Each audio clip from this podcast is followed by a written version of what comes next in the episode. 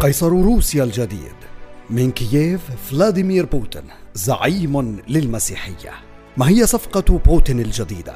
وما هو المشترك بين الأرثوذكسية المسيحية والاستراتيجية الروسية؟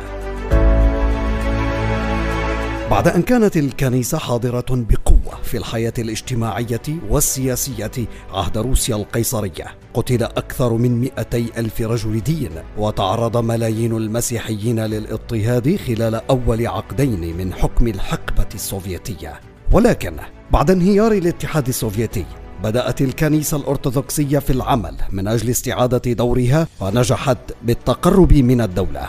وافتتحت مع فلاديمير بوتين القيصري صفقة جديدة تجمع بين القومية الروسية والمسيحية الأرثوذكسية تحت رعاية الدولة والكنيسة وترسخ سيطرة كل منهما على فضائه من ناحية تستعيد الكنيسة دورها الرمزي المفقود إبان حقبة السوفييت ففي عهد بوتين منحت الكنيسة دورا كبيرا في الحياة العامة. والحق في مراجعة أي تشريع منظور أمام مجلس الدوما كما أعيد في عهده بناء نحو خمسة وعشرين ألف كنيسة كانت قد دمرت على يد الشيوعيين. فروسيا لم تشهد منذ عهد القياصرة. قائدا مثل بوتين يوظف الكنيسة في خدمة سياساته الداخلية والخارجية.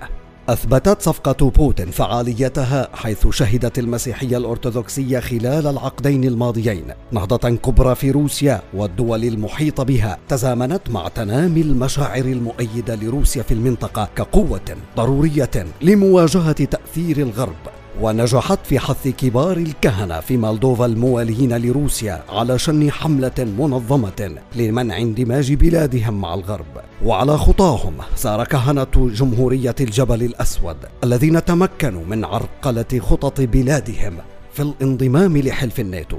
لعب العامل الديني دورا في قرار بوتين الأخير في فتح جبهة على أوكرانيا. فبالنسبة لمؤرخين إن الغزو الروسي لأوكرانيا ليس إلا فصلا جديدا من حكاية قديمة ستكون نهايتها السعيدة من وجهة نظر بوتين.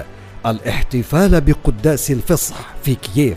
وإن كييف بالنسبة للمسيحيين الأرثوذكس هي كالقدس بالنسبة للمسلمين نظرا لمكانتها الرمزية تاريخيا. لذلك فإن الصراع على أوكرانيا هو صراع على أي أرثوذكسية ستطبع وجه شرق أوروبا.